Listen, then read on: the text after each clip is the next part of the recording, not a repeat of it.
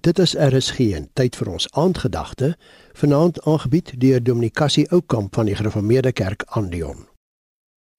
In ons reeksie oor Malagi het ons gesien die volk van Malagi het om hulle gekyk en gesê God is onregverdig. In sy antwoord laat die Here hulle vorentoe kyk na die koms van Christus. En nou is die vraag: hoe handhaaf Jesus die reg van God?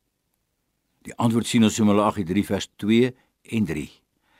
Hy is soos die vuur van die smelters en soos die seep van die wassers. Soos iemand wat silwer smelt en suiwer, so sal hy as regter gaan sit om die leviete te suiwer. Om hulle te louter soos goud en silwer sodat hulle aan hom 'n offer kan bring wat bestaan uit reg doen.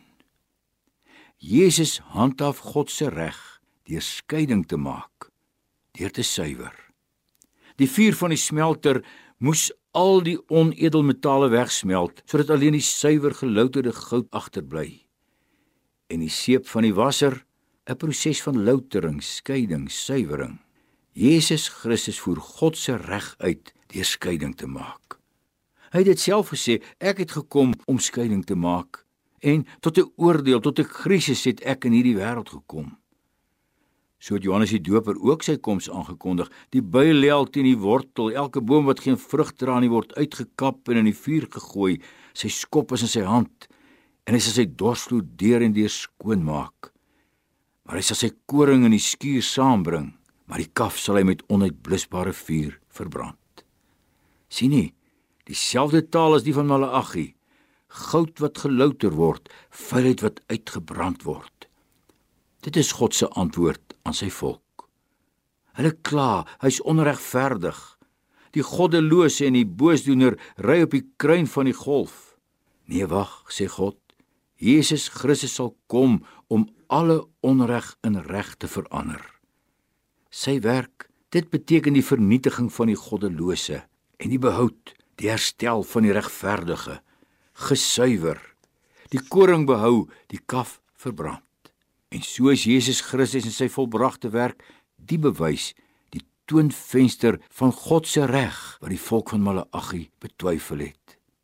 Nou reeds, hy wat ons met God versoen het, hy wat aan ons skenk die oorvloed van sy gawes, nie in die eerste plek in rekord oeste en aardse voorspoed nie, maar in hemelse gawes, regverdig voor God, die vrede met God, die nabyheid van God, geloofskrag vir die lewenspad die inwoning van sy Heilige Gees in al sy oorvloed.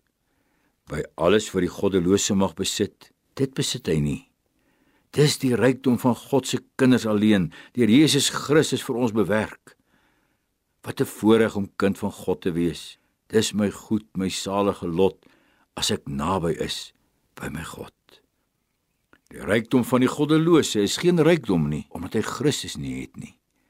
Maar die gelowige As ek Christus het, dan het ek alles. So leef die kind van God nou reeds vanuit die rykdom van ons Here Jesus en die volheid van sy gees. Dit was die Here se antwoord aan sy volk wat hom van onreg verdink. As ek Christus het, dan is ek geseënd, dan het ek alles. As ons Here Jesus kom, herstel hy alle onreg deur 'n nuwe lewe, 'n ewige toekoms vir God se kinders ook die wat in hulle swaar kry gevra het waar is die god van die reg?